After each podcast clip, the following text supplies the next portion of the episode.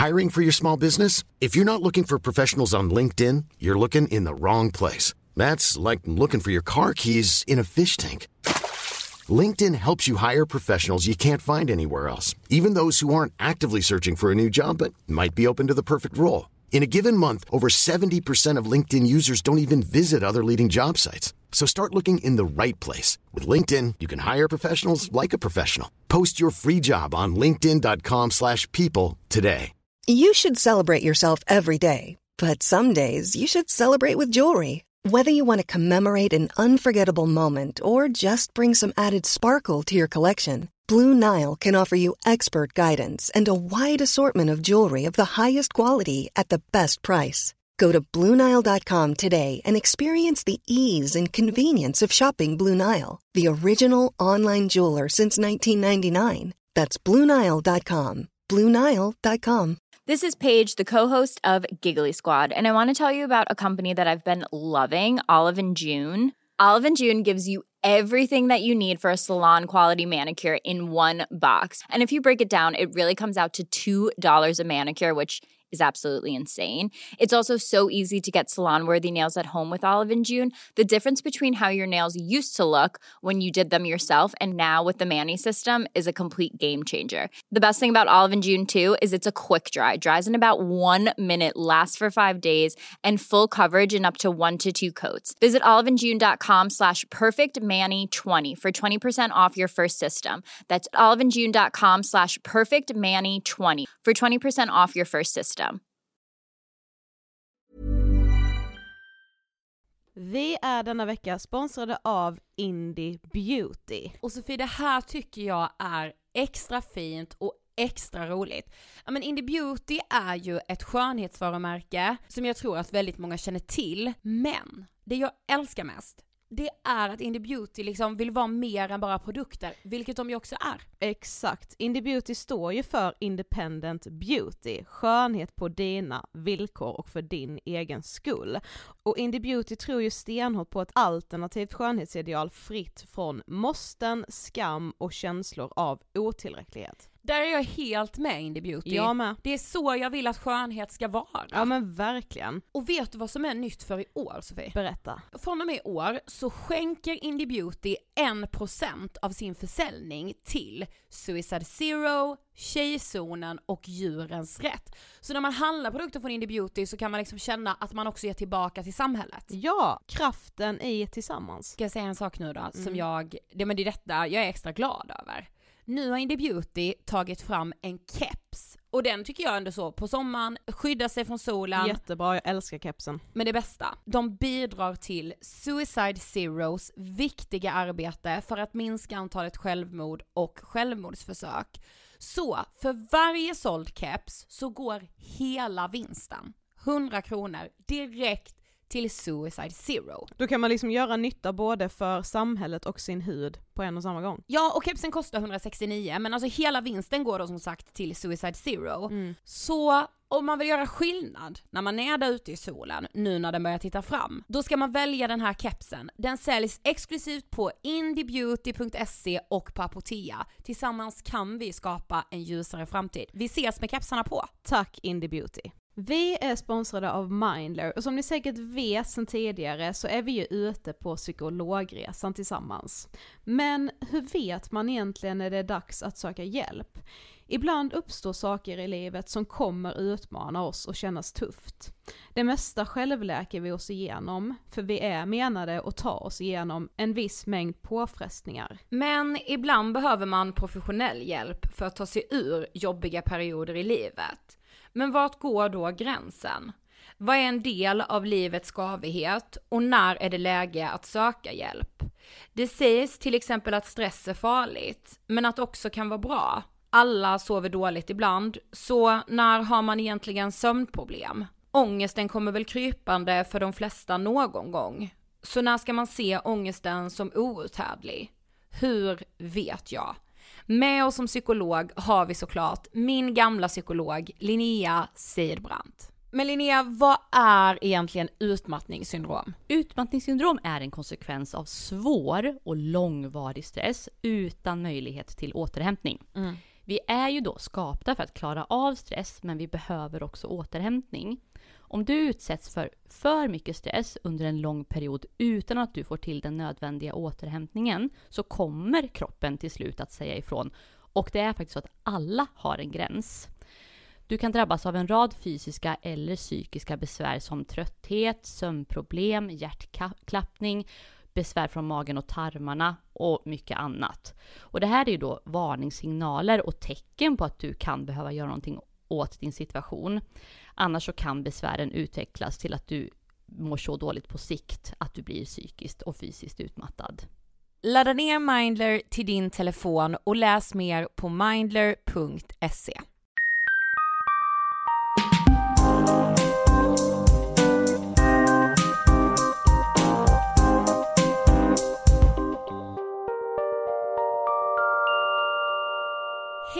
allihopa och välkomna ska ni vara till avsnitt 215 av Nej, Ångestpodd- 216 är det väl?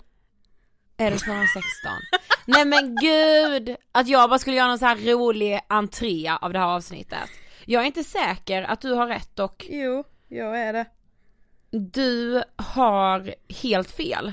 Förra veckan släppte vi avsnitt 214. Okej, förlåt. Så avsnitt 215 har alltså landat i era öron. Jag med ber någon så slags hemskt mycket om ursäkt. konstig liksom liten Avhyvling. Ja, nej men Sofie, förra veckan kunde man ju börja eh, förbeställa vår bok. Yes, vi borde vara lyckliga på bokus.com slash angestpodden. Nej men herregud. Mm. Jag vill bara tacka, alltså för att ni är så, så, så fina.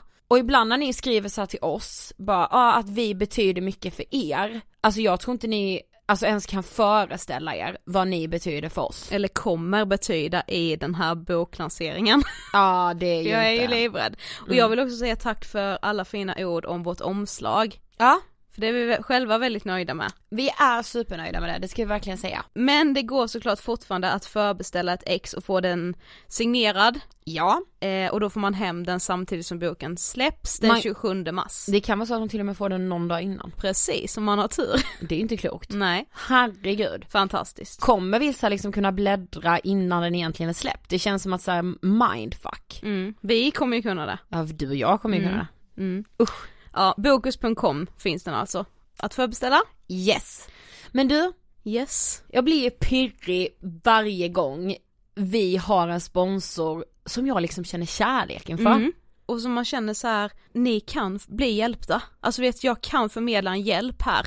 Precis. För denna veckan så är vi sponsrade av Mindler. Ja. Som många av er nu känner igen tror jag. Mm. Och för ovanlighetens skull så tänker vi att istället för att vi ska prata om Mindler så ska en av grundarna få göra det. Så vi tar och lyssnar.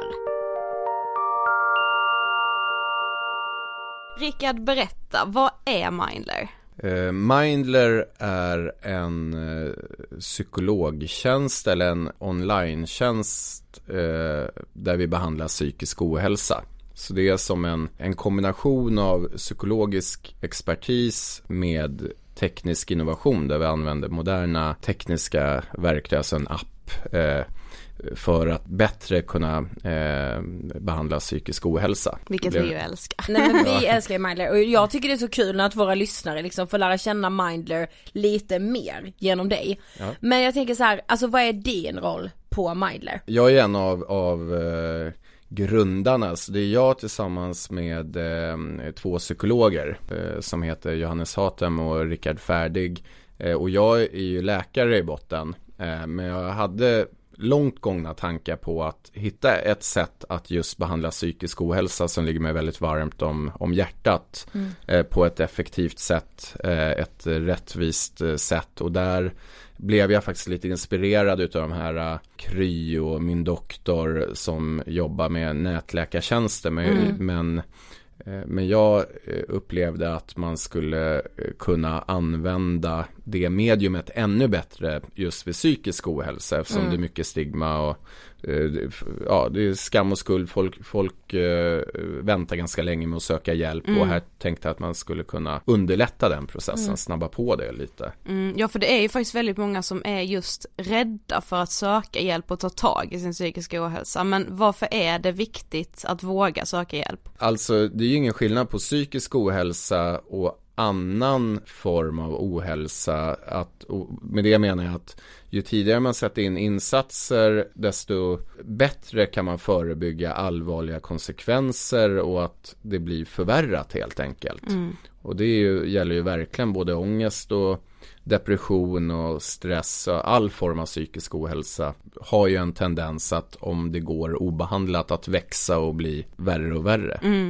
Men vad, vad kan man få hjälp med hos Mindler? Jo, alltså vi behandlar ju idag allt mellan, eh, allt ifrån eh, depressioner, olika ångesttillstånd, PTSD, eh, fobier eh, och det kan vara egentligen också stödjande samtal vid olika typer av livskriser när någon eh, kanske har gått bort eller det kan vara någon separation eller en annan typ av kris där vi kan göra bra insatser. Men det kan också vara tillstånd som eh, kronisk smärta till exempel.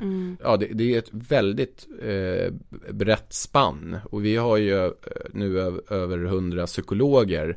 Eh, och de är ju väldigt kompetenta och de är duktiga på olika saker. Och det betyder också att om en patient söker för en sak och så hamnar den patienten hos en, patient, äh, hos en psykolog. Och så känner psykologen att ja, men jag är inte riktigt rätt person. Jag kan inte kanske allt om just det här.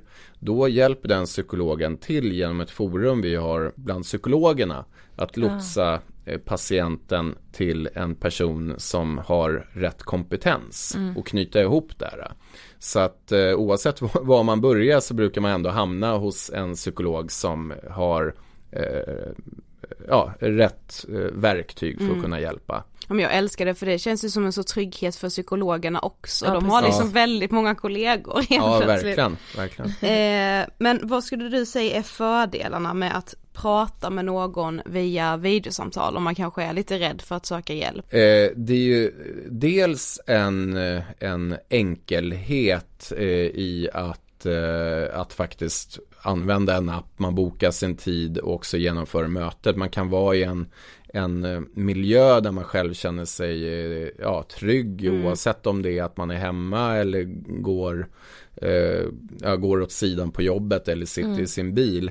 Eh, men det är, det är ju ingen laddad miljö. Kommer man till en psykologmottagning eller en vårdcentral eller även psykiatrisk mottagning så kan det ändå vara laddat. Mm, Eh, men här kan man vara i en miljö där man känner sig eh, ja, trygg och eh, bekväm. Så det, det är en fördel och en annan fördel är ju just det här att oavsett var man bor i Sverige så kan man få tillgång till en psykolog som kanske har en spetskompetens inom ett område som inte finns på den orten Ja. normalt sett.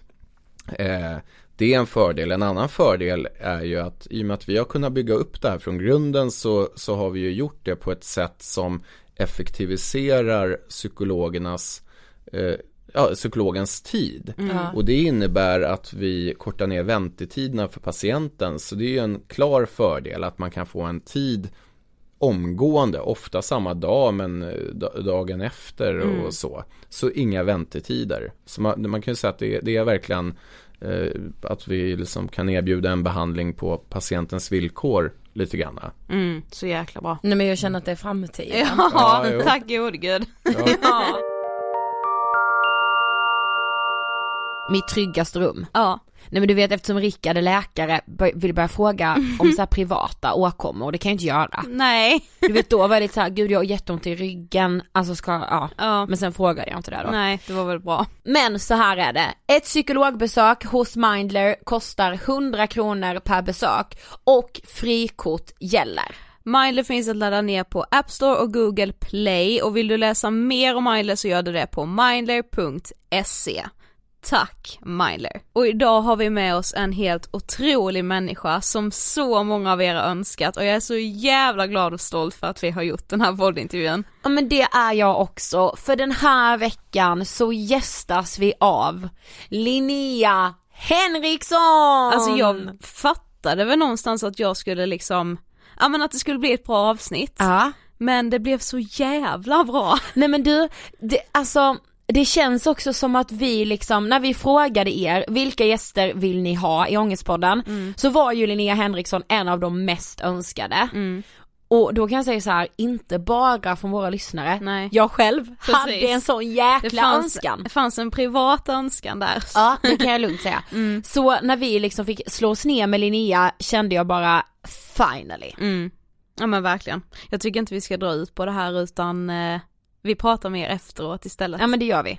Vi rullar intervjun med Linnea Henriksson. Varsågoda!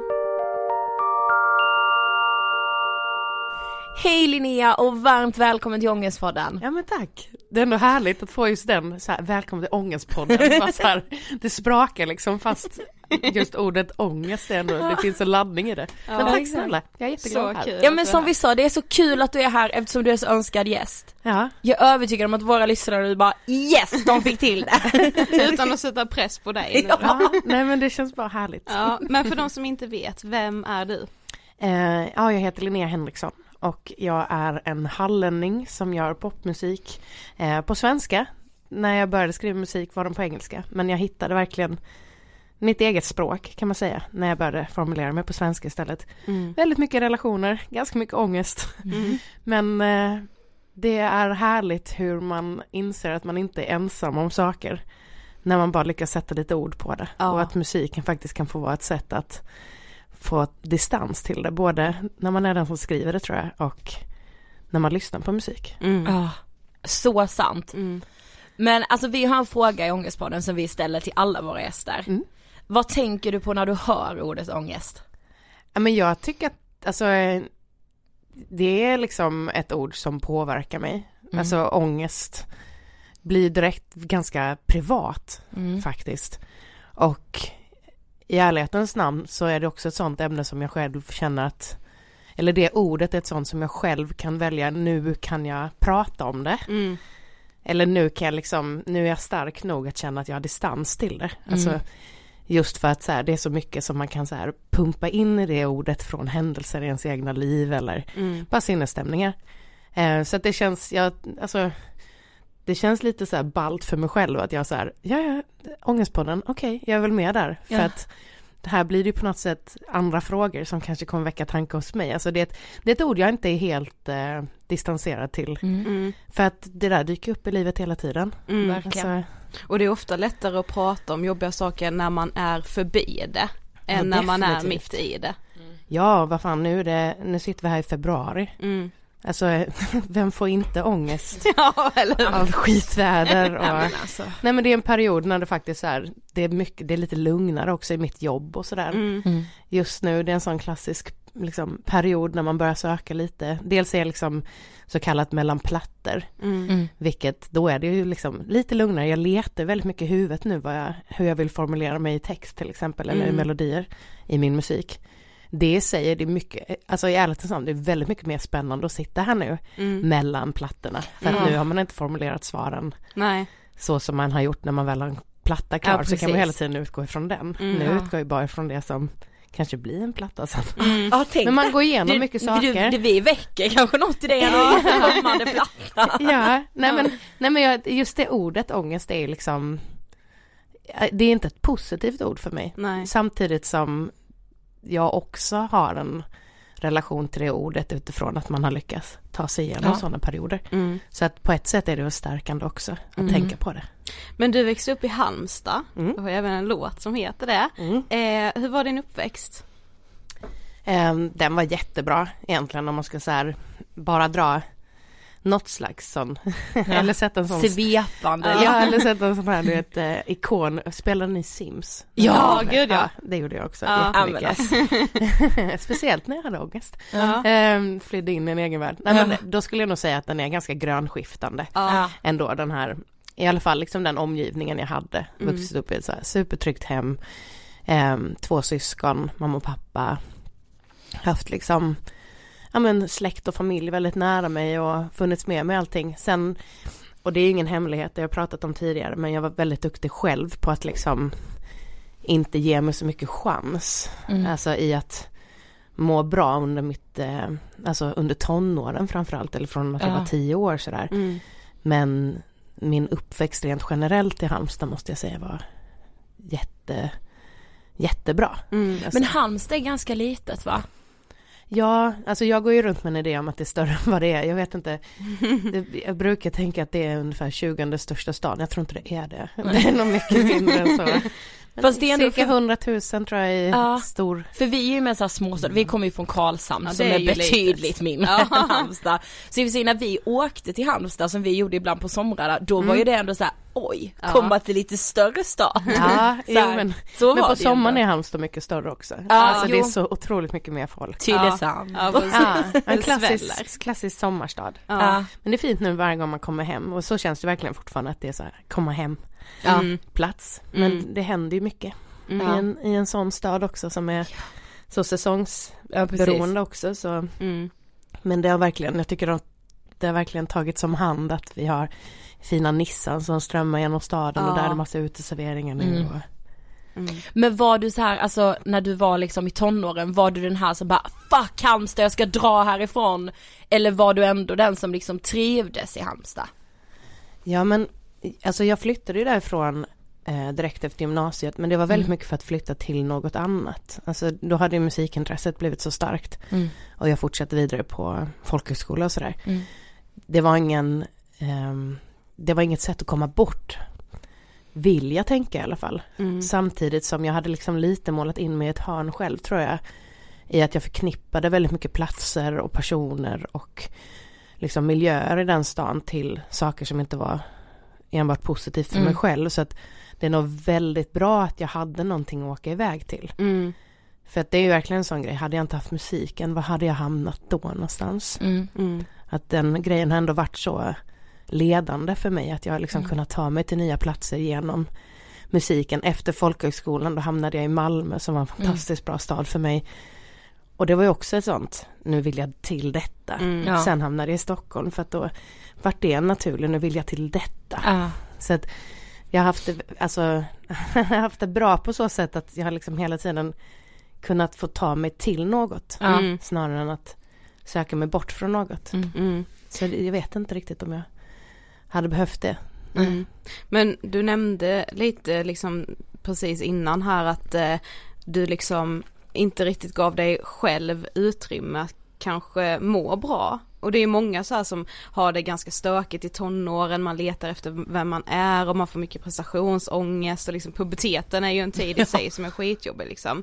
Men alltså på vilket sätt var det du inte mådde bra? Men just alltså um, under själva alltså, skoltiden där i Halmstad så Mm. handlade det ju väldigt mycket om att eh, jag hade bestämt mig väldigt hårt för vem jag var. Mm. Alltså det där sökandet kom faktiskt för mig med folkhögskola efteråt. Mm.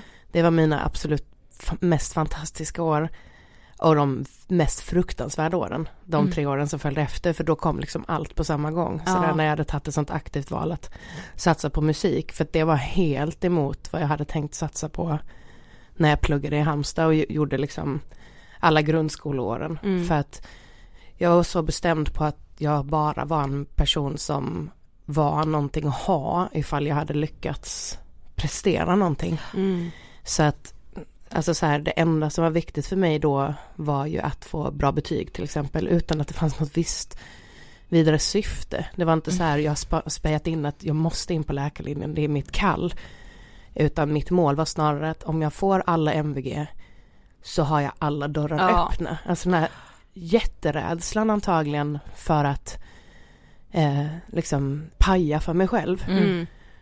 Att om jag inte får bra betyg då har jag inte allt att välja på. Fan vad jag är dum i huvudet som plötsligt har så stängt dörrar för mig själv. Då kommer jag Mm. hamna någonstans och bli olycklig. Mm. Alltså Ja. rädslan för det gjorde mig jätteolycklig under jättemånga år Ja. där istället. Ja. Mm. Men det var verkligen, jag hade sån stark bild av mig själv att det var det enda som gjorde mig till någonting. Mm. Och Men- det är jättedestruktivt. Ja, Ja, det verkligen. är det ju. Men, men vet du varifrån det kom liksom? Eller alltså så här, hur, hur startade hela den liksom prestationsångest? Ja, men jag tror, alltså precis som för väldigt många, alltså det är nog inte en unik berättelse i sig, vilket kan göra det ännu viktigare att man vågar prata om det. Mm. Att så här, jag blev väldigt förförd av idén att få den uppmärksamheten i skolan. Att vara en duktig flicka Mm. som inte tog plats på ett sätt som man märkte inte uppskattades. För att jag har ju liksom innan det där satte igång, och jag säger att det satte igång i tioårsåldern, Mm. innan dess och det är också så här både minnet, sen justerar man ju alltid minnet, Ja. men liksom även så om jag kollar på gamla hemvideos eller läser mina gamla anteckningar så innan tio års ålder så stava som en kratta. Det enda jag brydde mig om det var att liksom få showa Mm. och så här uppträdde hemma, styra upp så här show, konserter på lekplatsen. Och roliga- alltså allt sånt där, det skulle bara synas, höras varenda hemmavideo ballar ju ur när jag kommer in i den för att jag liksom inte kan hantera uppmärksamheten. Liksom. Ja. Ehm, allt det försvann ju mer eller mindre i alla fall känslomässigt för mig Ja. från liksom fjärde klass och jag vill inte alls liksom det handlar jättemycket om hur jag själv hanterade Mm. de situationerna men det blev plötsligt väldigt viktigt i den liksom miljön jag var i och den klassen jag var i och liksom sammansättning av elever och lärare Mm. att eh, resultat var viktigt. Och då föll jag för det. Mm. Och sen var det jättesvårt att komma ur det. Det känns Speciellt när det börjar bli betyg på riktigt sen. Ja, då har jag precis. jätteenkelt för att följa själv Ja. var jag är Vad jag- någonstans ja. i det. Ja. Det är Jag nästan, lätt, så mycket ja, men det är nästan lättare att hamna där än att motstå hela den prestationsgrejen. Ja, alltså Verkligen. och just så här tyckte det var jätteobehagligt med eh, fel sorts uppmärksamhet. Ja. När man märkte att så här vilka som liksom, och det var ju också, jag var ju samt, fortfarande samtidigt en person som liksom höjde rösten eller sa ifrån och sådär. Ja. Och kunde även göra det mot, mot lärare. Ehm, och det var ju inte bra. Alltså, Nej. och sånt har jag liksom nog alltid varit ganska duktig på att vara lyhörd för.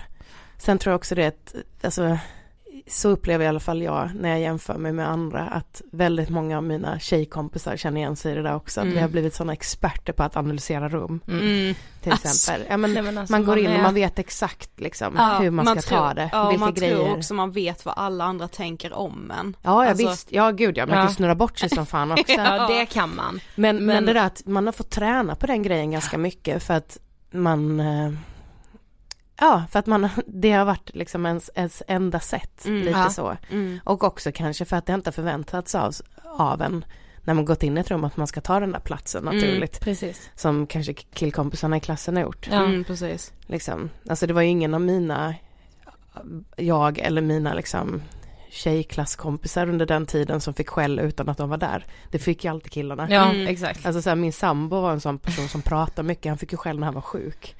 Bara av farten. Ja, Medan tjejer förväntas ju är, alltså direkt att de är tysta från början. Ja. Vilket gör att man sitter och tar in alla intryck istället. Och till slut kanske skrämmer bort sig själv i att, men nu säger jag inget istället. För Ja, att jag ser precis. ju, jag vill inte vara den personen som får skäll nej. när jag inte ens är här. Alltså, Mm. Ja, det, ja, det är så sant. Men Mm. just att man, ja, jag, jag fick lite för mycket tid åt det där, för jag var jätteduktig på att dölja det också. Mm. Alltså så här, gjorde mina föräldrar otroligt maktlösa Mm. i den situationen. Och jag tror det var först när jag var omkring kanske 15, 16. Alltså någon bit in, tvåan kanske på gymnasiet. Som jag började liksom ta hjälp utifrån och gick till samtalsterapeut och sådär för att Mm. försöka sortera ut vad jag höll på med. Mm. Och det är ändå fem, sex år i en väldigt liten kropp. Alltså det är en Mm, väldigt stor precis. del av mitt liv som jag har tränat upp en ny Mm. sida. Så att Mm. där är just, det nog därför så här ett ord som ångest kan vara lite laddat för mig för att jag vet att jag alltid måste hantera mig själv som en nykter prestationsknarkare Ja. liksom. Ja. Alltså det, det där får jag bara köpa Ja. på något sätt. Mm. Men i allt det här, hur kom liksom musiken in i ditt liv? Alltså hur blev den så central?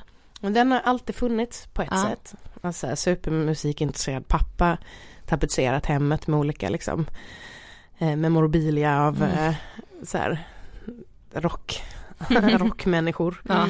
Mm. Och så här, det bästa paketet, det han alltid gjorde den största grejen av var ju det där fyrkantiga lilla paketet med en CD-skiva. Så att det har ju liksom alltid pumpats in i en, musik är det bästa och behöver du liksom hitta stöd någonstans kan du alltid sätta på en låt. Typ. Mm. Ehm, så att den grejen har varit väldigt central och sen har jag haft en ådra av att jag uppskattar och alltså jag tror också det var en sån grej som jag märkte när jag ändå tryckte ner mig själv jävligt hårt privat Mm. så märkte jag att varje gång man skulle uppträda och jag fortsatte ändå göra sådana saker Ja. Då var det ju helt okej att få uppmärksamhet och ta plats för att scenen är ju gjord på det sättet att Alltså skulle vi ha en scen i detta rummet som lyser och någon av oss ska upp så tystnar de andra och man Ja. förväntar sig att något ska hända där. Mm. Så att går man upp på scenen och förstår att det är så det är bestämt. Alltså det var ju en så här, det var ju en bestämd eh, situation Mm, helt men enkelt. Mm. Det var inte jag som så här behövde förklara för andra då att Nu ska jag showa lite ja det är, me- det är meningen att ni ska titta på mig nu utan det bara sker automatiskt i rummet. Ja. Och den grejen tror jag blev en jättetrygg plats. Så att jag är inte en sån artist som skriver och sen så kommer det där nödvändigt onda att jag måste gå upp på scenen och sjunga låtarna också. Mm. Utan ärlighetens namn så är det därför jag skriver musik för att Mm. Eller jag skriver musik väldigt mycket för mig själv men jag skulle alltså bara jag får ställa mig på en scen så skulle jag kunna göra vad som helst egentligen. Ja. För att det är så trygg plats. Mm. Den är, den är liksom Den är så säker och Ja. jag tror att det var en sån grej som nog hela tiden tog mig gav mig lite andningspauser ifrån den där skiten när jag var Mm. yngre att jag jag kunde gå upp på scenen och då var jag ju väldigt hård mot mig själv alltid innan Mm. och också alltid efter. Mm. Men den stunden på scenen, jag tog mig ändå dit. Det är som att jag alltid Ja. varit så här duktig på att sätta dit mig själv. Alltså, jag hör vad min, vad min röst i huvudet säger om att jag är helt värdelös. Men Mm. ändå gå upp på scenen för det är någonting i mig som ändå lyckas så här tänka, någonstans under mig att tänka att den där rösten är fan bara bullshit. Ja. Så jag ställer mig ändå på scenen, får en sån här andningspaus. Och sen till slut så tar ju den kicken över istället. Ja. Jag tror bara att det var så här ett ihärdigt att jag hamnade där. Och sen då att jag började på folkhögskola var jättebra för mig Ja. också för att då blev man också så här Linnea Sång i folks telefoner. Jag fick Mm, liksom mm. skapa en ny identitet som inte handlar om hon med bra betyg eller Nej, precis. Mm. bla bla bla. Mm. Mm. Och du gick på folkhögskola i, Tre år. ja, i Malmö? Nej, det är först i Växjö, eller Växjö. utanför Växjö. Mm. Och sen så i Skurup. Ja. Ja. Men du var med i Idol 2010 och så här liksom nästan tio år senare, hur ser du tillbaka på hela den tiden? För där tänker jag mig, där utsätter man ju sig verkligen för press och jag kan tänka mig bara om jag då med Idol prestationsångesten och så här, vad ska alla tycka om mig? Vad ska alla tänka? Alltså, Man blir ju verkligen bedömd, det är liksom hela grejen med det programmet. Ja visst, men det är också lite hela grejen med hela yrket. Ja. Alltid, alltså på så sätt blev det en ganska bra skola. Ja. Tror Ja. jag. För att, alltså man vet ju att folk har idéer om vad man gör. Mm. Precis. Och det har jag ju själv också. Jag kan lyssna på musik och tycka, ah, det där är ingenting för mig liksom. Mm. Sen i Idol eller liknande program så uttrycker sig inte folk så. Det är inte som Nej. att någon tar upp sitt Twitterkonto och bara, det här var inget för mig. Utan då är det så här, hon är en jävla, alltså Ja. Precis. ett annat budar. uttryckssätt Ja. liksom. Men jag var inte, alltså jag var 23 när jag var med. Mm. Så redan där och jag hade haft då ett gäng år av jag kan inte göra något annat än musik. Mm. Mm. För efter folkhögskolan flyttade jag till Malmö och började Mm. frilansa. Eller försökte frilansa som musiker och liksom så här hur fan fixar man gig, hur gör man Mm. bla bla bla bla bla. Ja. Så att alltså jag kände att jag hade någonting att trilla tillbaka på Mm. om inte det där skulle gå vägen. Men jag sökte Idol väldigt mycket för att jag ville få käka upp lite fördomar och det fick jag göra till tusen procent. Att jag hade en idé om vad det programmet var, Mm. Vilka som ställde upp där och vad man blev av att vara med i ett sånt program Mm. som ju inte var sant heller. Alltså jag kommer då från lite mer, ja men då hade jag liksom gått skolor och Ja. satsat på en musikgenre som anses kanske lite fin i kulturkretsar. Mm. Och Idol är snarare motsatsen. Att så här, då vill man liksom göra något kommersiellt, man vill att det ska sälja. Mm. Mm. Det är fult i den världen istället. Så att det var liksom, jag kände att jag behövde ra, liksom så här, ruska om mig själv. Mm. Kanske precis som flytten från Halmstad. Ruska om mig själv där. Detta Mm. blev en sån omruskning till typ. Mm. Ja. Men, men det som är, alltså det som var jättebra för mig där det är att det är direktsändning. Ja. När man står inför sin publik. Mm. Så att du kontrollerar faktiskt hela stunden där du presterar. Mm. Och sen hade vi liveband också, det var ju det jag kom ifrån då. Spelade jättemycket med mitt egna band under den tiden. Så Mm. jag känner mig ganska trygg i det. Jag känner mig mycket mindre trygg idag. Då, Ja. snart tio år senare när jag står med så här ett track Ja. och ska sjunga fast jag inte har någon musiker på scen som jag kan liksom interagera med. Ja. Men så att det var jättebra skola, jag fick ju liksom artistskolas lite från Ja. att då man står med sitt band och man backar lite hela tiden för att man vill vara en del av en enhet så ska man plötsligt stå helt själv. Så jag ser tillbaka på det där och med jätte, alltså blir bara lycklig när jag tänker på det. Mm. Sen alltså, man bröt ihop innan Mm. varenda uppträdande. Mm. Det hörde liksom också till. Ja. Mm. Men gud att det är tio, alltså jag kan inte fatta att det nästan är tio år sedan nu. Ja, För mig är det så här tre år sedan du var med i Idol typ. Alltså, Ja. Ja men det, det kan vara för att jag inte kollar så mycket på Idol längre också förvisso. nej, ja, men åtta år sedan är det väl drygt Ja. liksom. Men, eller det beror på, man sökte ju på våren så att då är Ja, det just ni, det. nio år sedan. Ja.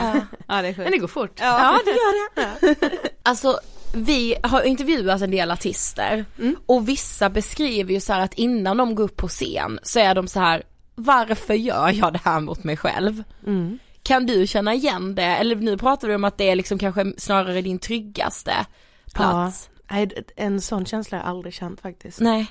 Fan vad skönt det måste vara ändå att hitta liksom den tryggheten på scen. Ja. Ja men det är fantastiskt. Alltså, Ja. jag, det är ju verkligen, jag längtar ju till jag har gig och jag tycker det är skitjobbigt om jag sitter och bläddrar i min kalender som om, som om jag har en vanlig kalender fortfarande. Vem har det? Jag önskar att jag hade, vi har ni det? vi har, jag älskar det. Ja men jag älskar också, ja men sitta och få skriva med olika pennor. Ja. Men jag liksom, igår senare så satt jag och snackade om att jag är en sån person som Alltså som gör egna ansiktskrämer och sånt. Alltså jag, jag har inte gjort det på skit länge. Men jag har den idén om mig att jag fortfarande Att får- gör det för att jag tycker det är så himla mysigt. Det är lite Ah. samma sak med blädderkalender. Ja precis. Det är så himla skönt att ha ja, men det. jag hade ju en bild när jag köpte den att jag också skulle ha så här massa olika pennor, det har jag ju dock inte. Nej, det jag skulle så här rita och jag skulle, men ja. Ja men jag ska nog skaffa mig en sån, det är mysigt. Nej men just det där att om jag inte har ett gig eh, som står planerat någonstans, då får jag så här bara Oh my god, nu måste vi boka in någonting Ja. för att jag Ja. behöver den. Jag Mm. måste upp dit liksom. Mm. Men eh, jag kan ju bli otroligt nervös. Alltså vissa Ja. sammanhang kan ju göra mig jättenervös ändå Mm. fortfarande. Men jag försöker fundera på när det var senast. Men ofta så löser ju sig allt när man väl får ställa sig där uppe typ. Mm. Eh, Men jag har, alltså jag, måste alltid dit. Ja. På något sätt. Alltså jag kan mer sitta och tycka så här, bli lite rastlös i studion och sitta och producera min musik till exempel. Mm. När man har skrivit klart allting och man bara ska ljudlägga den. Mm. Liksom. För det tar så otroligt lång tid. Ja. Och då kan jag, det är snarare då jag kan känna så här, varför gör jag det själv? Då vill man bara ut med det liksom. Ja, faktiskt. Ja. Ja. Men du nämnde det också, jag tycker det är så himla bra, det har vi pratat om tidigare, ångest på något så här, alltså vissa personer är bara personer som liksom genom livet kommer ha ångest, vissa har väldigt mycket prestationsångest men att vi tror, precis som du också sa, att så här, man får typ acceptera att man är en sån person bara och mer så här, ja men jag kommer ha det här med mig, men hur kom du till den acceptansen? Ja, alltså just nu är jag ju en bra period och då har jag Mm. automatiskt mycket lättare till en sån acceptans. Mm. Jag, alltså, jag, tänker på det, jag är eh, liksom på en sån bra plats i livet just nu. Att, Mm. att det är liksom enkelt för mig, jag är liksom omgiven av ångest ganska mycket. Jag har många nära vänner som får leva med det på ett helt annat sätt än vad jag Mm. gör. Jag kan ändå prata om det utifrån, jag har haft en riktig pissperiod som jag har lärt mig ta mig ur och Mm. hantera nu mer att jag känner igen mina varningstecken och sådana. Mm. saker. Alltså så är det ju inte för alla. Nej. Alltså, det är så här rent kemiskt i kroppen så funkar det inte så Nej precis. folk liksom. Just den här acceptansen av det. Dels har jag hittat ett sätt att kanske ehm, alltså för, förändra det till någonting annat. Genom Mm. att jag skriver till exempel. Det har ju alltid Mm. fått bli en sån ett sätt för mig själv att distansera mig Mm. till det. Att det till och med kan få vara rätt okej. Och det är rätt mäktigt så här med sociala medier idag.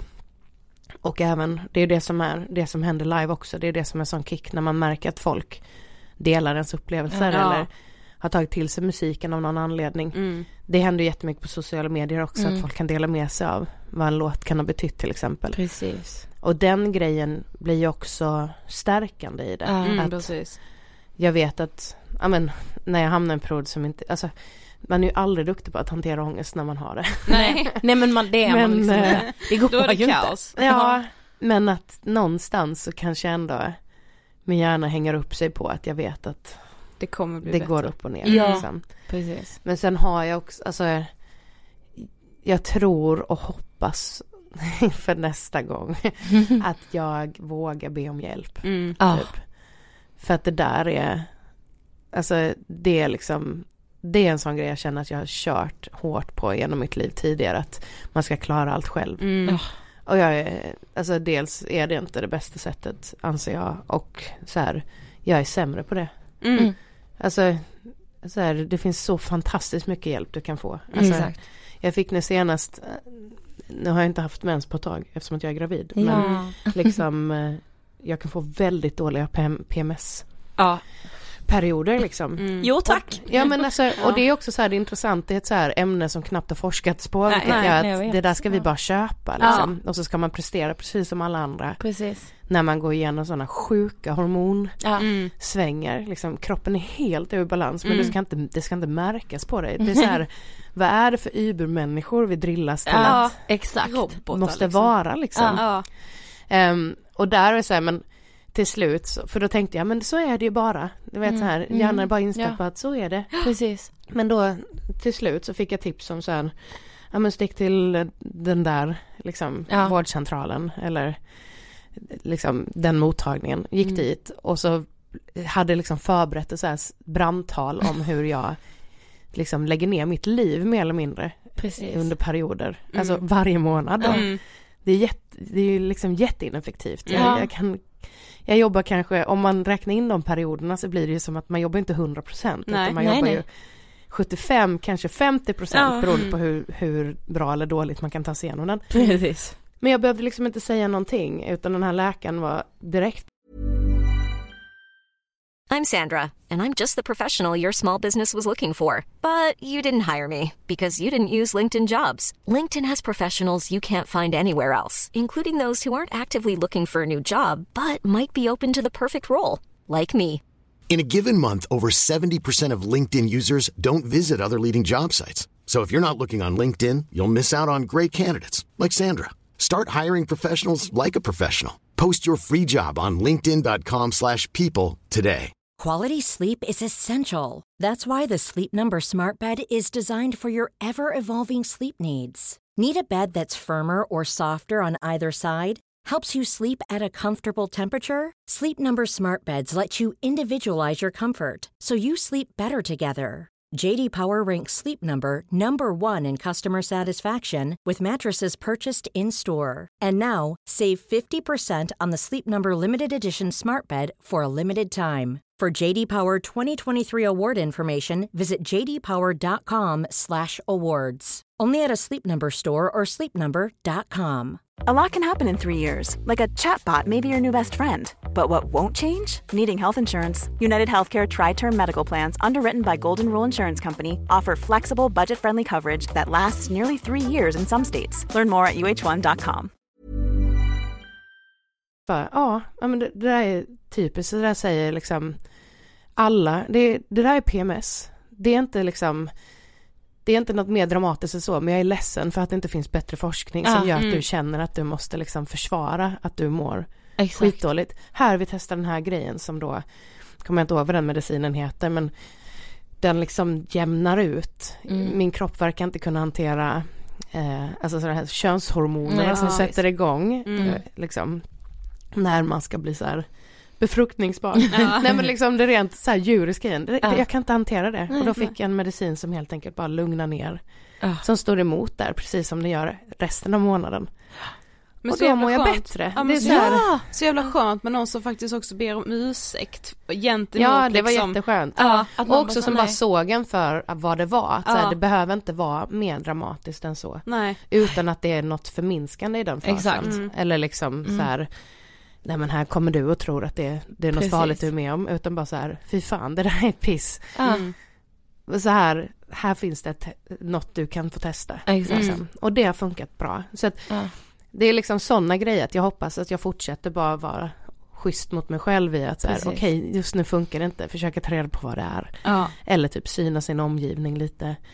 Är jag i en situation just nu när jag inte liksom synkar helt med alla jag jobbar med, Mm, ska mm. man ta snacket? Alltså Ja. våga lufta saker. Mm. Precis. Och verkligen säga jag behöver inte bära det här jävla lasset själv Mm. liksom. Men alltså på tal om dina låttexter. Mm. Ja men de är så otroliga. Det var så här, jag pratade med min kille igår och jag bara, tänk att vi ska podda med Linnea imorgon. Och liksom din låt White, han och jag var tillsammans för flera år sedan, vi gjorde slut, sen började vi träffas igen för ett år sedan och då var den låten så, så central för mig i hela att vi blev tillsammans igen. Så jag bara tänk liksom. Men alltså det känns som att alla på något sätt kan relatera till dina låttexter någon gång liksom i livet. Och de handlar ju ofta om så här olycklig kärlek, relationer som inte fungerar. Varför handlar de om det ofta? Ehm, ja men där är väl en sån enkel grej att när jag väl behöver sitta ner och fundera och ta lite tid åt mig själv. Det är ju inte när jag är så här i, ett liksom högt rus av jag är lyckligast i världen. Eh, för att då vill man ju vara med människor som man gillar och Precis. göra grejer typ. Så att det är nog mycket det att man hittar in där liksom. Mm. Sen också, det är ju bara någonstans, alltså det är intressant, jag har skrivit de här tre plattorna som jag har gett ut. Mm. Eh, alltså med min egna musik. Ja. Eh, under tiden som jag varit i ett jättebra förhållande Ja. rent så här överlag.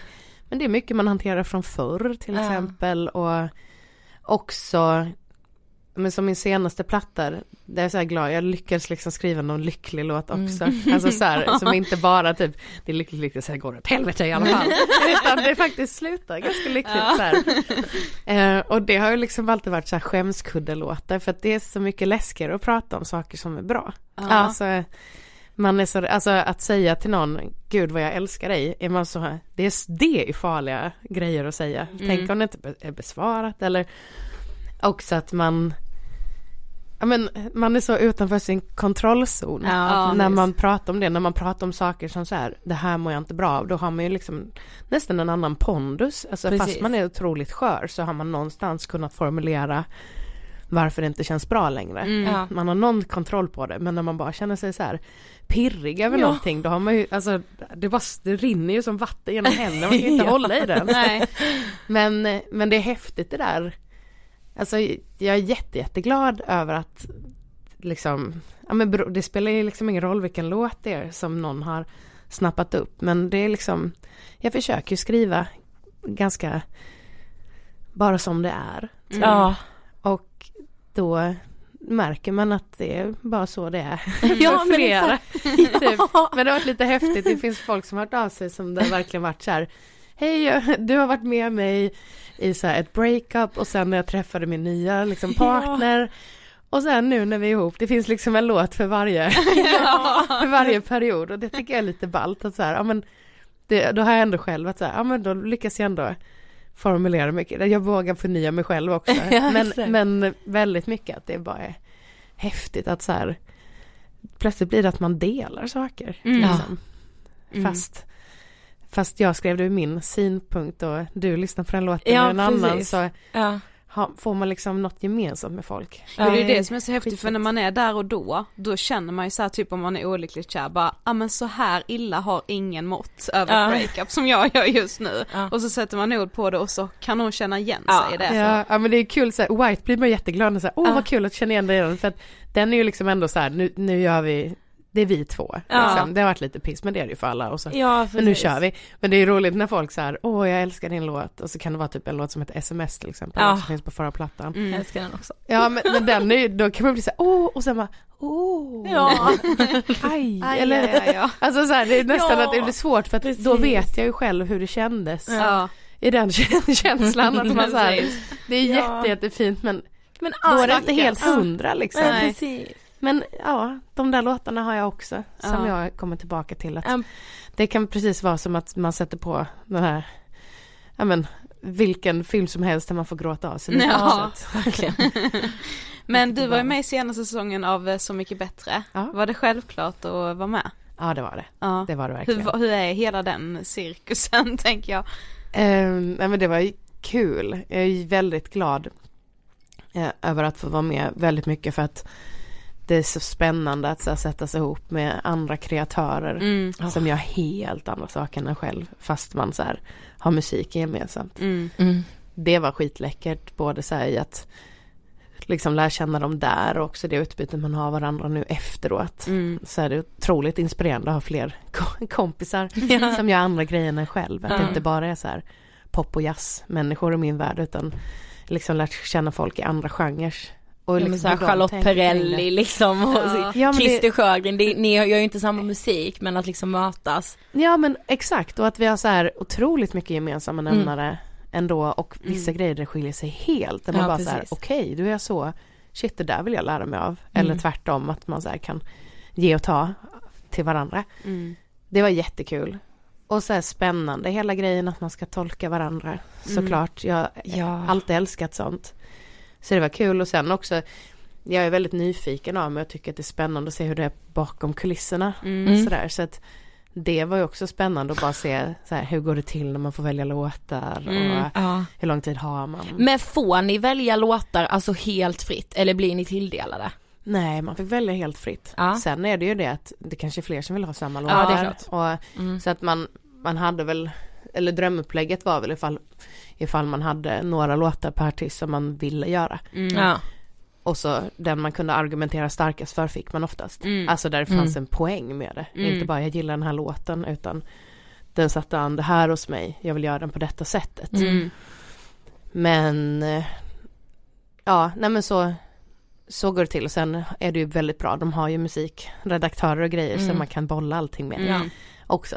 Mm. Så att man kan få tips ifall man plötsligt låser sig att säga, ah, Ja. jag vet inte vilken låt. Ja. Ah, den här betyder mycket för den personen. Ah, kul. Då är det ju lite roligare men att göra precis. Ja. Ehm, men det är ju, alltså, nej, det var jätte, jättekul och sen var det ju liksom fantastiskt lite tid man har på sig att göra klart. låtarna. Men det är också bra så här, när man, man får se det som en utmaning. Man kan inte allt, älska allt man Nej. gör under sådana premisser men det är väldigt eh, utvecklande tror jag. Mm. Mm.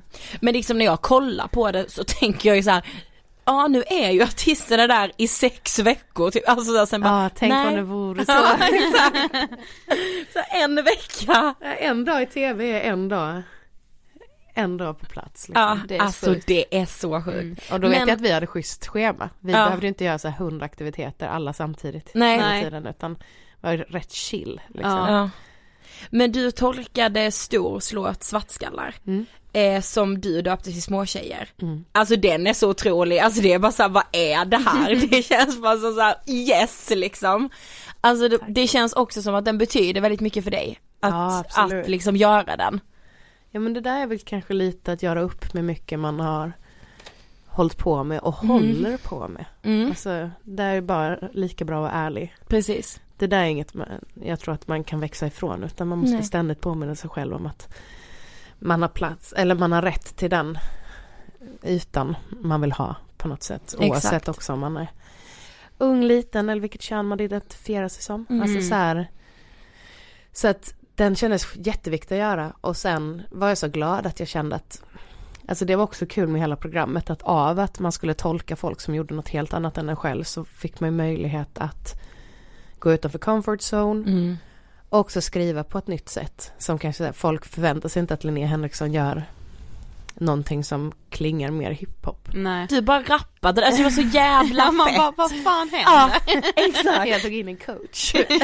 en av Ja just det, det kompisar. hörde jag när du gästade Ja. Kakan att du sa att du hade sökt in en coach. Ja men så här Ja. fantastiskt skönt liksom. Ja. Både John Alexis som eh, gjorde prodden och sen eh, eh, Pato Po som var med också, liksom hjälpte mig att formulera texten så att den flöt bättre i hiphop. Det är, så här, det är också kul, jag såg ju det som en chans att liksom förstå mig på liksom det, det uttryckssättet Ja, mer verkligen. också. Så här, Ja. I pop skriver man på det här sättet Ja. och i hiphop är det viktigare med den här grejen för flödet. Mm. Ja.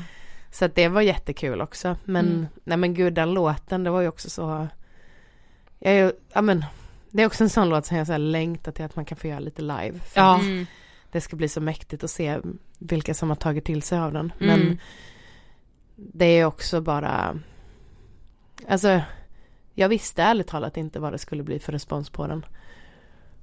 Också klassiker att man, man känner att ops, nu kanske jag öppnar ett lock som inte får lyftas. Alltså, Mm. Att också så här prata om feministiska frågor och sånt är inte liksom bara välkommet. Nej. Men jag fick ingen skit alls som jag upplevde för den låten, vilket jag tyckte var så fascinerande typ. Mm.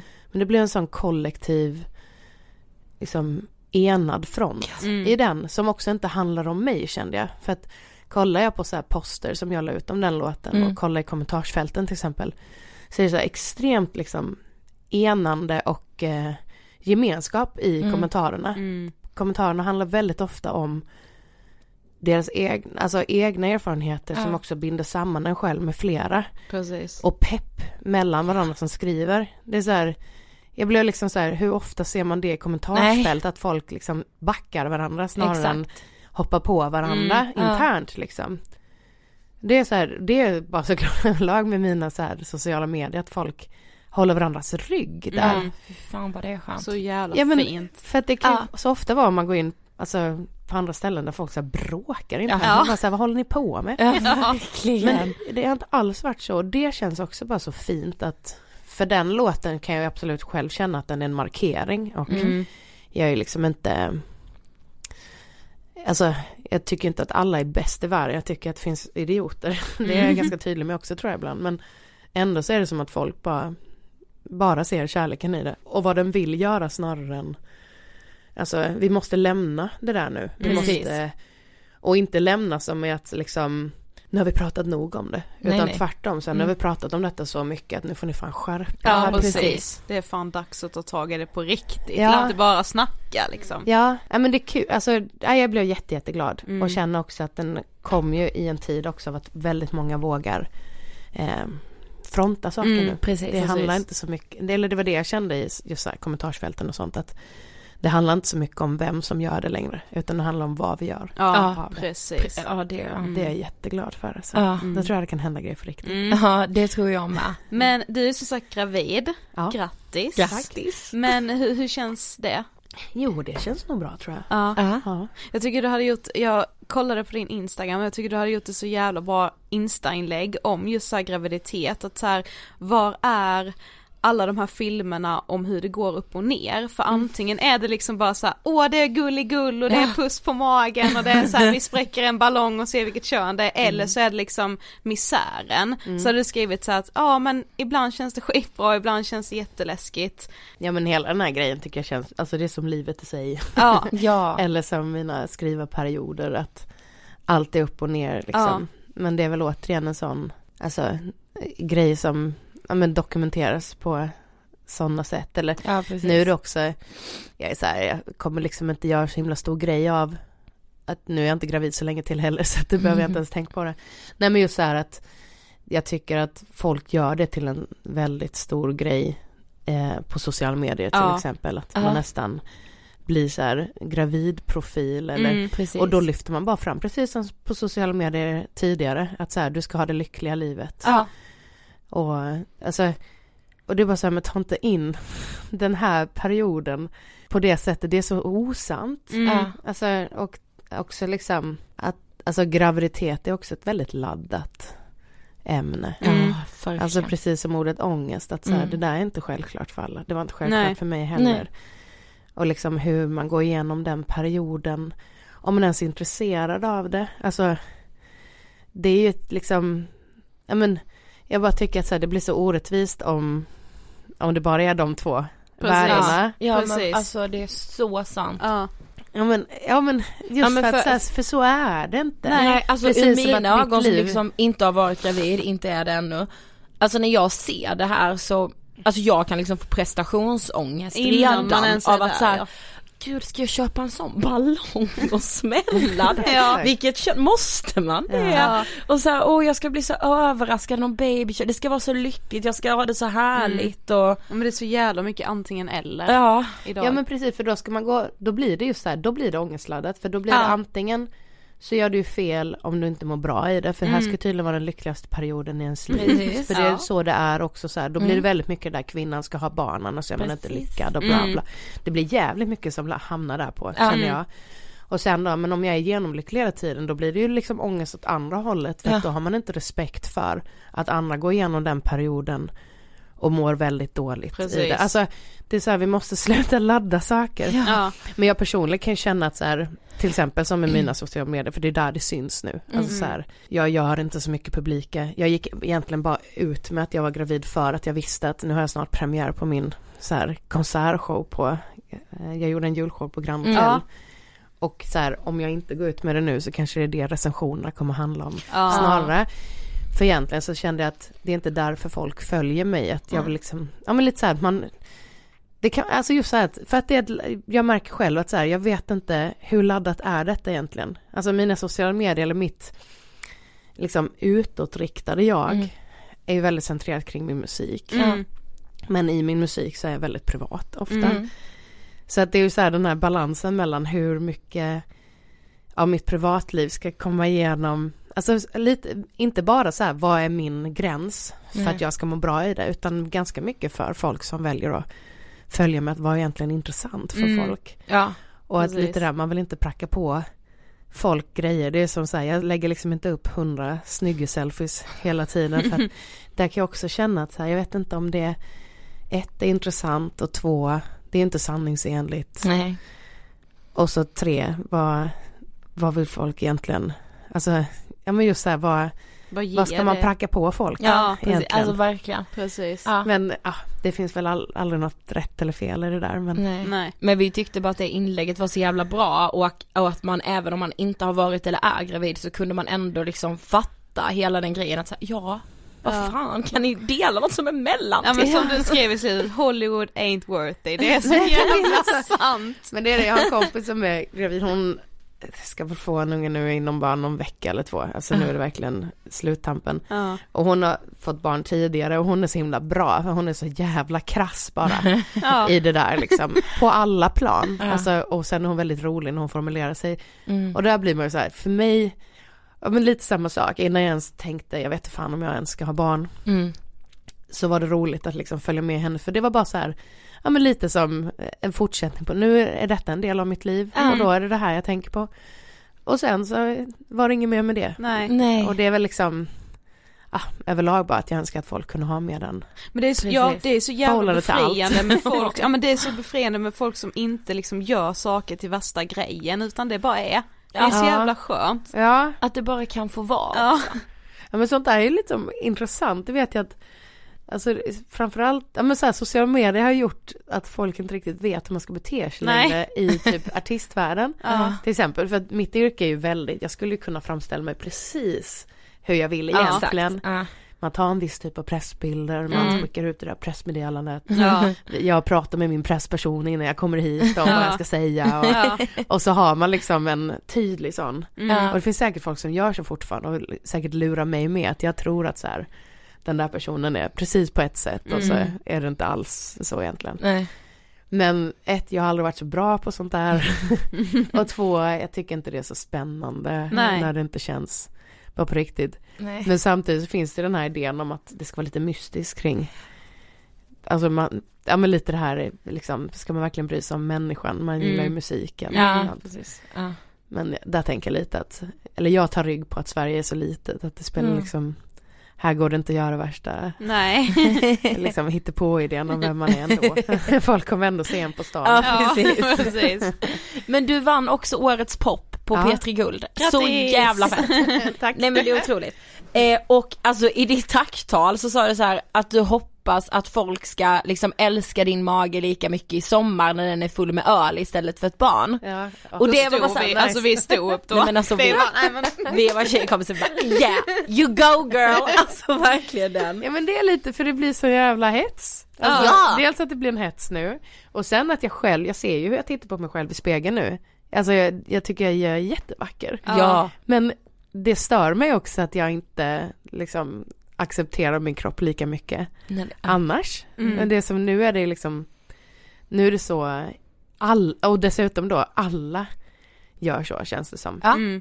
Alltså att så här, man kan ju få kommentarer av folk man inte alls känner när man har bulan och då är man plötsligt, nu bidrar jag med någonting Ja. vackert, men är jag bara en lite liksom, ja men öl, ölglad kvinna Ja. Precis. sen som har lite liksom kött som dallrar runt, Ja. då bidrar jag inte med någonting, Nej. då är det snarare ett problem, alltså det är ju skitdeppigt. Ja. Men Nej men det är så sjukt. är så. Men kan du känna att det är mycket liksom, alltså så här hets kring utseende och kropp i liksom artistvärlden? Ja men på ett sätt är det ju jättemycket så. Ja. Mm. Ehm, alltså till exempel inför Så mycket bättre så Mm. Eh, gick jag och bannade mig själv mycket för att jag märkte att jag tänkte på att nu kommer folk tänka på hur jag ser ut. Ja. Alltså att det ens, att det ens fick ta plats i mitt huvud Mm, mm. störde mig så jävla Mm. hårt. Och samtidigt så blir det ju bara så. Mm. Men liksom och då blir jag ofta, det har jag fått av min mamma, att då blir jag ofta tvärtom person att Mm. om jag vet att nu kommer folk störa sig på att, ja men bara så här klassiken, fan, fan jag hann inte, jag skulle slutat äta kolhydrater där i januari. Ja. Då visste jag inte ens att jag skulle vara med på programmet. Fan, okej, ja men då hinner jag inte kanske gå ner de kilorna, ja men då får jag börja träna. Och så så här, nej jag måste ju vara i studion, det hinner jag inte. Mm. Nej, oj, och jag har aldrig varit större än vad jag är just nu. Alltså du vet Mm. att hjärnan gör så. Ja. Och jag bryr mig inte egentligen. Mm. Men ändå så blir det en grej att jag vet att Åh det är så tråkigt när man googlar sitt namn och så kommer vikt eller tjock eller sånt upp Mm. Som liksom relaterade sökord. Mm. Och sen bara, eller ska jag bry mig om det där överhuvudtaget? Mm. Och så bara, ja men då ser jag till att ta på mig något riktigt tajt istället. Mm. Alltså, och så blir det så istället att man så här, jag bara, ja men, det blir ju också ett sätt att hela tiden, alltså då blir det ju att jag tänker på min, min kropp, även fast jag tänkte att jag inte skulle tänka på Mm. den. Men åt andra hållet, att så här, Ja, men då, precis. då tar jag på mig något tajta. Ja. Ja, Jag tror det är helt rätt att göra det. Alltså, Det- så här, ja. när jag kan ha gånger, det kan ju vara bara när man ska ut liksom och känner så här, Ja. fan vad fel jag är bara. Ja men då tar man på sig någonting där magen kanske inte syns. Men Mm. helt rätt tillvägagångssätt är ju att då ta på sig det tajtaste man har och bara Ja. så här, this is me liksom. Ja. Alltså Det det, är som KBT. Ja. Ja men verkligen, och så blir det ju det där, de där idéerna har man ju inte bestämt sig för själv. Nej precis, Nej, det är Alltså, det är precis som, som, som mycket idéerna. annat. Ja, så då kan jag, då blir jag, kan jag bli så sur. Att, Ja. att, att, som sagt, att så här, att jag ens tänkte de tankarna. Jag bryr Exakt. mig ju inte. Nej. Liksom. Men, eh, men där kan jag verkligen, jag, det är också en bra grej. Alltså visst, jag kan anse att min, mitt, alltså min bransch, eller vad man ska säga, Mm. Eftersom att man syns Mm. mycket i det, det är liksom en del av jobbet. Så blir det väldigt mycket tankar kring sånt. Mm. Och också så här, du, med min kropp, alltså då kan jag inte låna kläder. Alltså i sådana, om man ska på offentliga sammanhang Mhm. så Mm. brukar folk låna så här kläder från Just olika det. märken. Mm. Men det är storlek. Vad brukar det vara nu då? De har kanske 38 om det är något sånt eh, eh, så kallat sunt märke. Men då är Mhm. 38 kanske tidigare 36. Ja. Alltså de har ju krympt jättemycket Mm. också. Ja precis. Så kring 36 kanske. Jag brukar kanske kunna ta skor ibland för det är 39. Jag har lite för små fötter för det egentligen. Men Ja. de kan jag få stapla runt i. Men alltså kläderna är så jäkla små. Ja. Så att det är så här, vem, det är väldigt få som kan låna där och så Ja. länge det är på det sättet blir det också okej men då måste jag ändå sy upp någonting. Mm. Eller så här köpa i affären eller sy upp något. Ja men då kan jag lika gärna sy till något som sitter som smashing Ja, Ja. på mig. exakt. Så det har ju blivit mitt trick att jag syr Mm. upp ganska mycket kläder. Ehm, som är helt efter min, min egen form. Mm. Men det jag skulle säga är att just så, här, så är det på ena sidan. Att det är ganska, ehm, det blir en grej av att liksom allt runt omkring hela tiden trycker på att du ska ha en viss kropp om du ska kunna representera dig på det här sättet. Mm. Men å andra sidan så har jag en superkraft i att då jag kan gå ut på scenen och ha på mig precis vad jag vill. Mm. Och då har jag bara visat att det är så här jag, Mm. det här är min plats just nu och det är så här jag ser ut. Mm. Och det är det ni får. Och så Ja, många och det det är kan det ni ska inspirera älska. också. Ja. Men, Ja, det var faktiskt en sån grej med, med den här googlingsgrejen med relaterade ord. ja. Ja. För det var när jag skulle släppa musik 2017. Jag släppte en Ja. låt som heter Säga mig, som Ja. första låten Mm. eh, efter att jag var tyst en liten stund.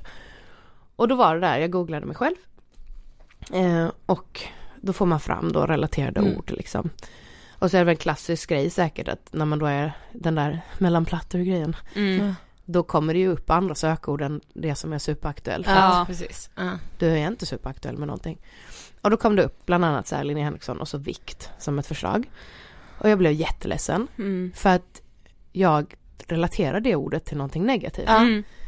Och så snackade jag med en kompis som bara, men du skulle inte kunna se det på andra sättet, alltså tvärtom att om någon googlar ditt namn och vikt skulle ju lika gärna kunna vara ett sätt att man så här, ah, jag tycker hon ser ut som mig. Ja. Undrar vad hon väger, för man vill bara få bekräftat att så här, hon som en Verkligen. offentlig person Ja.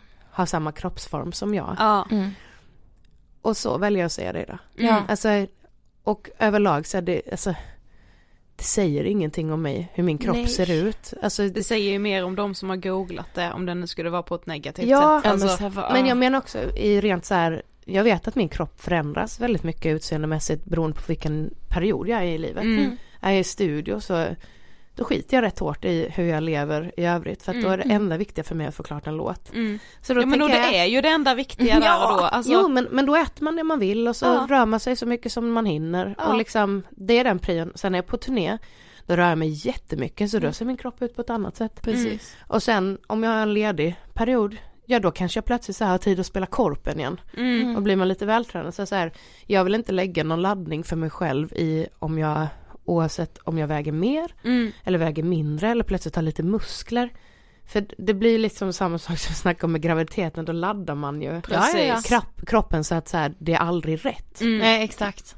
Man, alltså, Man kan aldrig vara rätt. ja, går jag plötsligt ner i vikt så har jag så här då, då gör jag en otjänst mot mig själv som trodde att jag så här, jag får se ut som jag vill. Alltså det är ju Mm, det. ja, Jag ska mm, ju få se ut som jag vill. bara. Ja Mm. men verkligen. Så jävla sant. Men eh, nej, det är bara, men det tycker jag också, det är liksom samma sak. Att så här, det är så mycket som jag tycker förändras till det positiva. Ja. Mm. Att, alltså, folk bara är. Mm. Ja. Det är jättehärligt. Mm. Vi har kommit till sista frågan. Mm. Eh, vad inspirerar dig? Ehm, det som inspirerar mig är livet, typ. Mm. Människor och min omgivning och saker jag själv snappar upp på Mm. vägen genom, på den vägen jag är på. Mm. ja, men vanliga livet. Jag Ja. tycker det är så mäktigt. Ja, Alltså, det som är äkta. Ja, Ja. alltså och det kan vara allt ifrån att man, det finns inget viktigare än att få liksom lägga i soff- soffan och glo Netflix Mm. med någon. Mm. Eller att så här, känna att nu vill jag se världen, jag ska ta över den. Mm. Mm. Alltså livet innehåller så himla mycket hela Mm. tiden. Och det, jag tycker bara så här, det är liksom en, en tanke som kastar mig bakåt när jag bara sätter mig på tunnelbanan eller går runt i stan och ser börjar tänka på att alla människor jag möter här lever ett liv precis som jag. Ja. Som är fyllt med så mycket olika saker och liksom alla har gått igenom den där stunden när man bara vill falla ihop och gå, man går helt sönder. Mm. Precis. Alla har varit med om någon slags eufori. Det är jäkligt mäktigt tycker jag. Ja. Så att det räcker liksom. ja. Ja. Tack så jättemycket för att du ville gästa Ångestpodden. Ja men tack själva.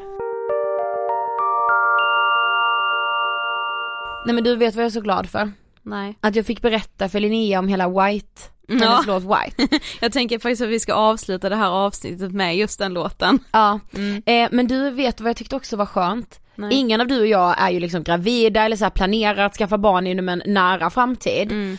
Eh, men sättet som Linnea liksom pratar om sin graviditet och så plockar ner det lite. Ja men jag tycker det genomsyrar egentligen hela avsnittet men he- alltså allt, alltså vi lever just nu i en så jävla sjuk värld där det antingen hela tiden måste vara svart eller vitt. Precis. Och där det är så mycket liksom, alltså de här illusionerna av vad saker och ting ska vara, typ en graviditet eller typ att bli känd, med citationstecken säger jag det. Så här, det är ju inte sanningen. Nej Det är ju lögner Ja. som vi bara sväljer med hull och hår hela tiden. Med hull och hår sväljer vi dem. Och jag blir så, alltså jag blir typ förtvivlad för Ja, att jag gör också det hela tiden. Precis. Sen blir det verkligen så här, det är så, det är så skönt att få de här liksom påminnelserna. Eh, och så befriande ju. Men ja, jag behöver ju påminnelserna väldigt ofta. Men du det känns också som att jag är extra glad att vi släpper avsnittet med Linnea just idag. Först vill jag bara säga tusen tack Linnea för Ja. att du kom och gästade Ångestpodden. Tack, tack, tack. Jag är en, ett evigt fan av dig och din musik. Eh, men du, vet du varför? För att imorgon, om ni lyssnar när det här släpps samma dag, så är det ju internationella kvinnodagen. Yes, den 8 mars. Ja och den är ju liksom en jävla viktig dag, Mm. inte bara för att så här, du vet ibland kan jag ju bli så allergisk mot allt sånt där för att jag bara men Ja, fick vi kvinnor en dag, fan vad schysst liksom. Ja, alla andra eh, dagar är mäns dagar. Ja men det är ju det liksom. ja Och men det- alltså, blir hela den grejen. Ja men i mångt och mycket är väl internationella kvinnodagen mäns jävla dagar också liksom. Mm. Men, eh, alltså hur viktigt det är att liksom ändå ha den där dagen för att vi alla ska komma ihåg att eh, vi lever inte i ett jämställt samhälle. Mm. Vi lever i ett patriarkalt samhälle där, där liksom mäns ord och handlingar väger tyngre än kvinnors. Mm. Trots att vi i Sverige är ett av världens modernaste länder. Det är så jävla viktigt att stanna upp Ja, och sen bara- också bli ja. påmind om att väldigt många kvinnor som inte lever i Sverige lever under extrema förtryck. Mm. Eh, och det får man ju absolut inte glömma bort. Jag Nej, menar, alltså vi, ja, aldrig vi har det väldigt ojämställt men vi har ju det också väldigt bra om man jämför med många andra kvinnor runt om i världen. Ja, och att vi liksom så ska ta varandras händer. Mm. Fan vad det är viktigt. Verkligen. Okej men nej men Sofie, vet du vilka kvinnor jag tror att jag vill hylla lite lite extra idag? Våra mammor kanske. Våra mammor. Ja. Fan, Inger och Karina.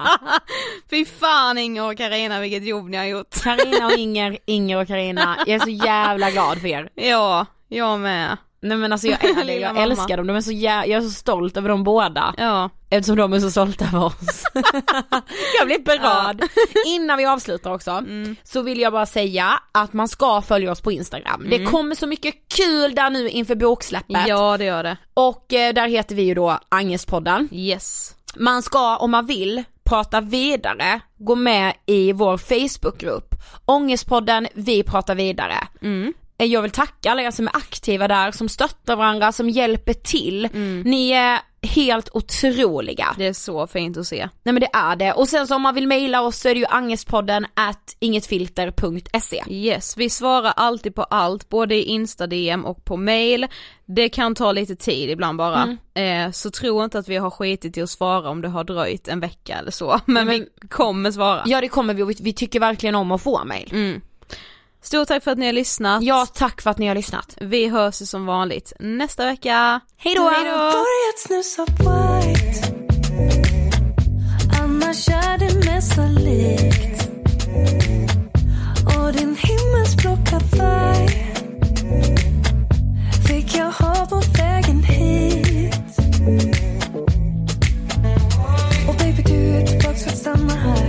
Och det blir en syn för grannarna.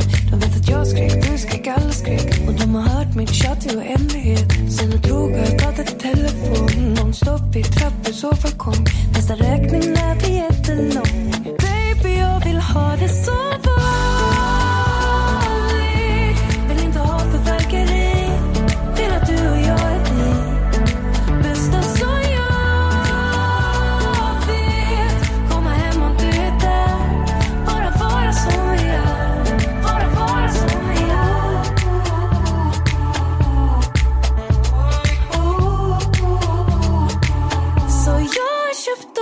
Och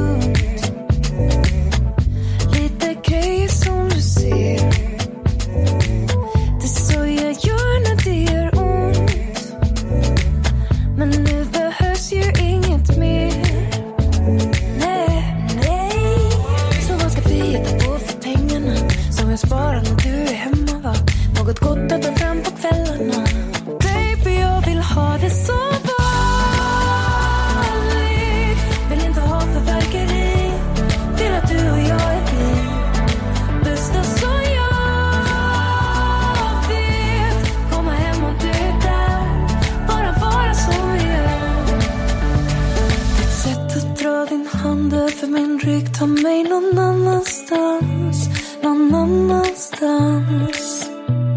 Och känns det segt ibland så tänk på att vi klarat långdistans Vi klarar allt. Baby, jag vill ha det som var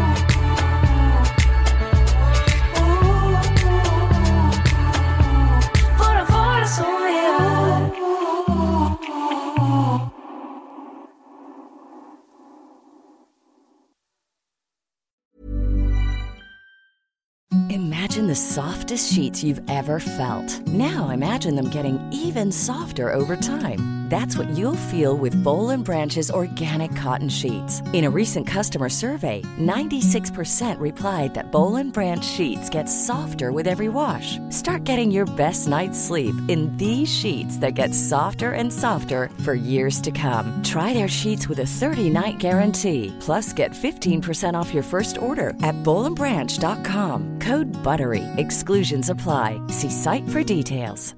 Even when we're on a budget, we still deserve nice things. Quince is a place to scoop up stunning high-end goods for 50 to 80% less than similar brands. They have buttery soft cashmere sweaters starting at $50, luxurious Italian leather bags, and so much more. Plus, Quince only works with factories that use safe, ethical, and responsible manufacturing. Get the high-end goods you'll love without the high price tag with Quince. Go to quince.com slash style for free shipping and 365-day returns. Mom deserves the best, and there's no better place to shop for Mother's Day than Whole Foods Market. They're your destination for unbeatable savings, from premium gifts to show-stopping flowers and irresistible desserts. Start by saving 33% with Prime on all body care and candles. Then get a 15-stem bunch of tulips for just $9.99 each with Prime. Round out Mom's menu with festive rosé, irresistible berry chantilly cake, and more special treats. Come celebrate Mother's Day at Whole Foods Market.